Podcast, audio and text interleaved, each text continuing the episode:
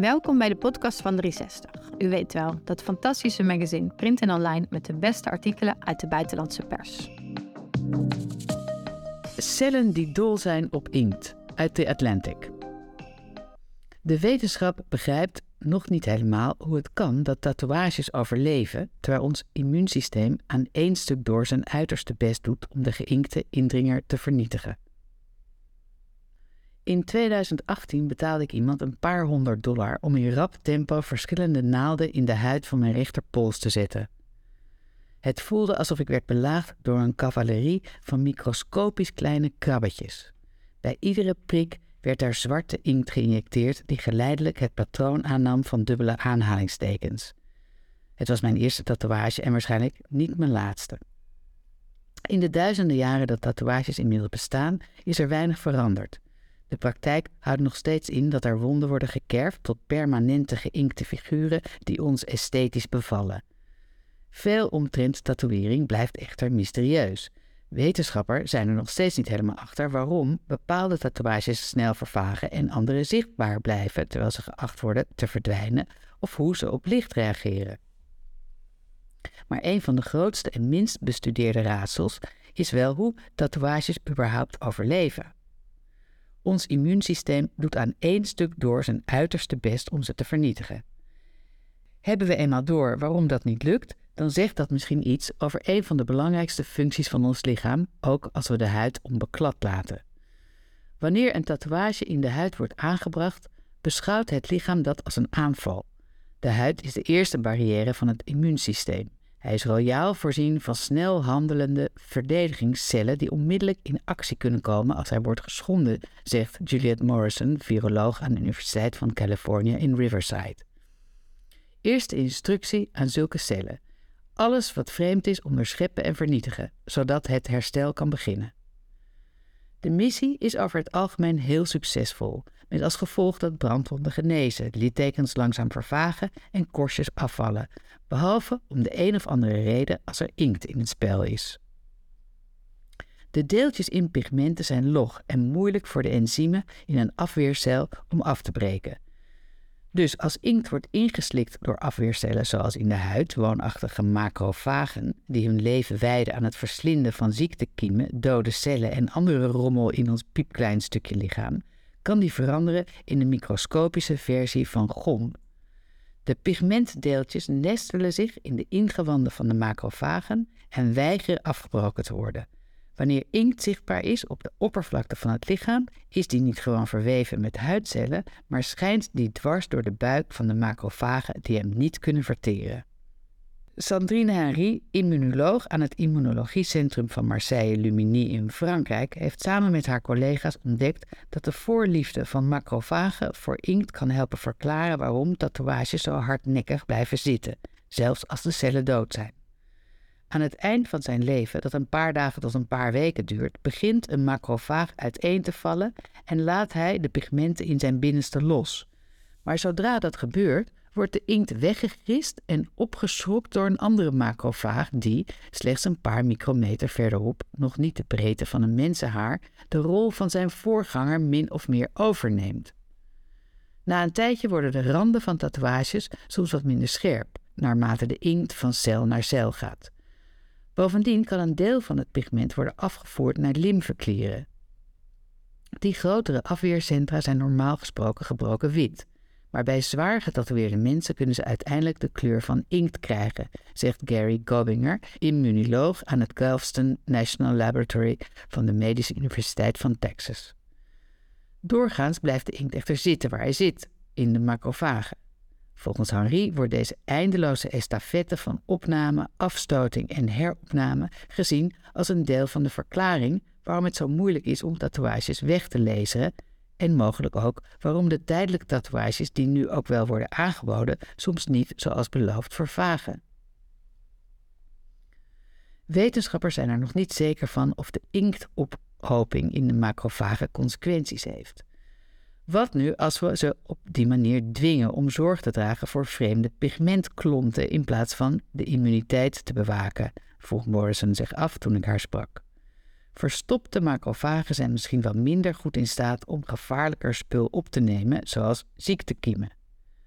Uit een vorig jaar gepubliceerde studie bleek dat tatoeagepigment wellicht invloed heeft op de proteïnen die ze produceren en de signalen die ze naar andere cellen sturen. Dat hoeft op zich niets te betekenen, maar het zou ook kunnen dat de cel te hevig of te zwak begint te reageren op onbekend materiaal en dat daardoor het immuunsysteem potentieel wordt benadeeld als een nieuwe tatoeage ontstoken of geïnfecteerd raakt of een allergische reactie teweeg brengt. Infecties bij tatoeages zijn zeldzaam. Ze komen in hooguit 5 of 6 procent van de gevallen voor en als ze zich voordoen zijn ze meestal bacterieel van aard. Maar in heel zeldzame gevallen kunnen liefhebbers van body art een gevaarlijk virus oplopen, zoals hepatitis C. Gelukkig gaat het met de meeste getatoeëerde mensen gewoon goed. Zeker met de modernste hygiënemaatregelen, zegt Danielle Tartar, dermatoloog aan de Universiteit van Californië in Davis. Henri maakt zich in elk geval geen zorgen. Het immuunsysteem is veelzijdig en vult zijn cellen constant aan. Doet zich een grotere aanval voor, dan zijn de cellen die zich met inkt bezighouden waarschijnlijk in staat versterking in te roepen om de dreiging af te wenden.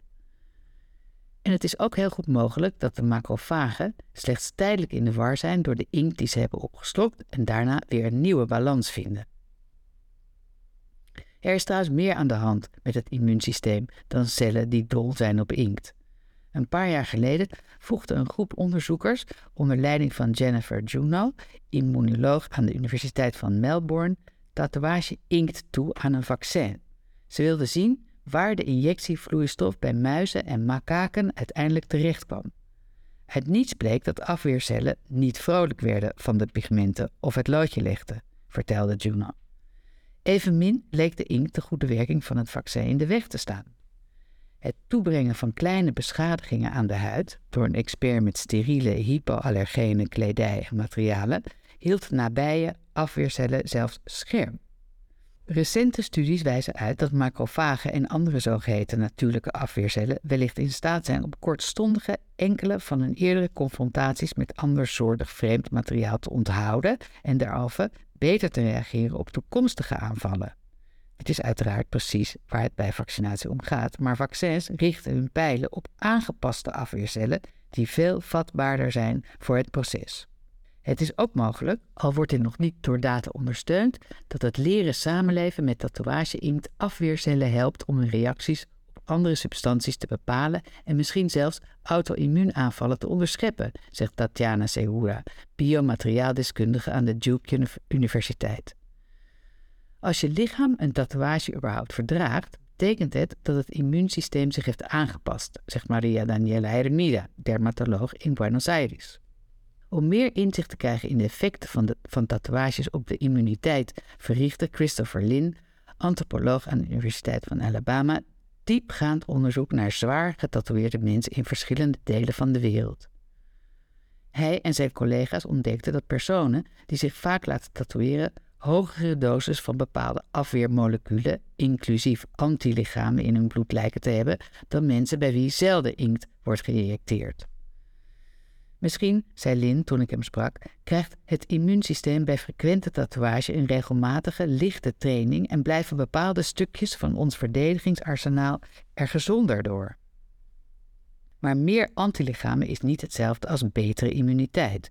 En onderzoekers hebben tot nu toe geen idee hoe lang zulke effecten aanhouden, zegt Saranya Wiles, dermatoloog aan de Mayo Kliniek. En omdat Lin en zijn collega's geen klinische proef hebben gedaan waarbij ze sommige personen lieten tatoeëren en andere niet, kunnen ze niet echt bewijzen dat de stapel antilichamen een direct gevolg is van een tatoeage. Het kan zijn, vertelde Lin, dat mensen met van nature hogere doses van bepaalde afweermoleculen meer geneigd zijn veel tatoeages te nemen, omdat ze niet zo snel slecht reageren.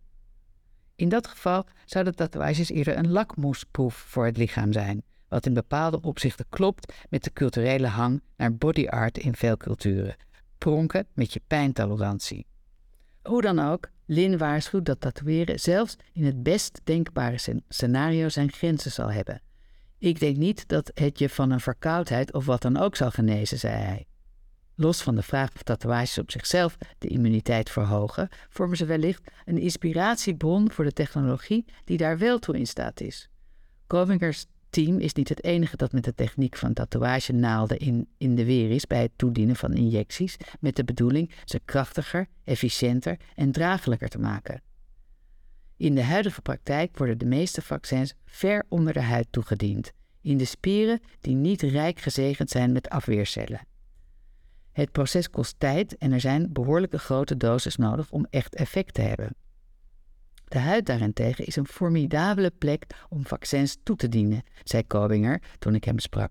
De cellen zijn al ter plekke en er is een onmiddellijke reactie. Een techniek om in de huid te vaccineren, de zogenaamde intradermale manier, bestaat al en wordt gebruikt bij injecties tegen pokken, hondsdolheid en sinds kort apenpokken. De toediening van intradermale vaccins vereist echter nogal wat training. En als naalden hun doel missen, kan de effectiviteit van de injectie enorm kelderen. Door tatoeagenaalden en vaccinflacons te combineren kun je die valkuilen in theorie omzeilen, zei Kowinger. Tijdens zijn experimenten met verschillende vaccins blijkt de tatoeagemethode stelselmatig beter te werken dan de intradermale. Ook andere studies, zei het niet allemaal, laten al even bemoedigende resultaten zien. Met een steeds verfijndere technologie, aldus Kobinger, hebben mensen op een dag wellicht minder injecties van een bepaalde hoge dosis nodig. En dat bespaart tijd, geld, inspanning en ongerief. Er komt geen inkt aan de pas, maar misschien hebben deze naalden wel de kans een blijvende indruk op ons te maken. Wilt u meer van dit soort verhalen lezen of beluisteren? Ga dan naar 360magazine.nl.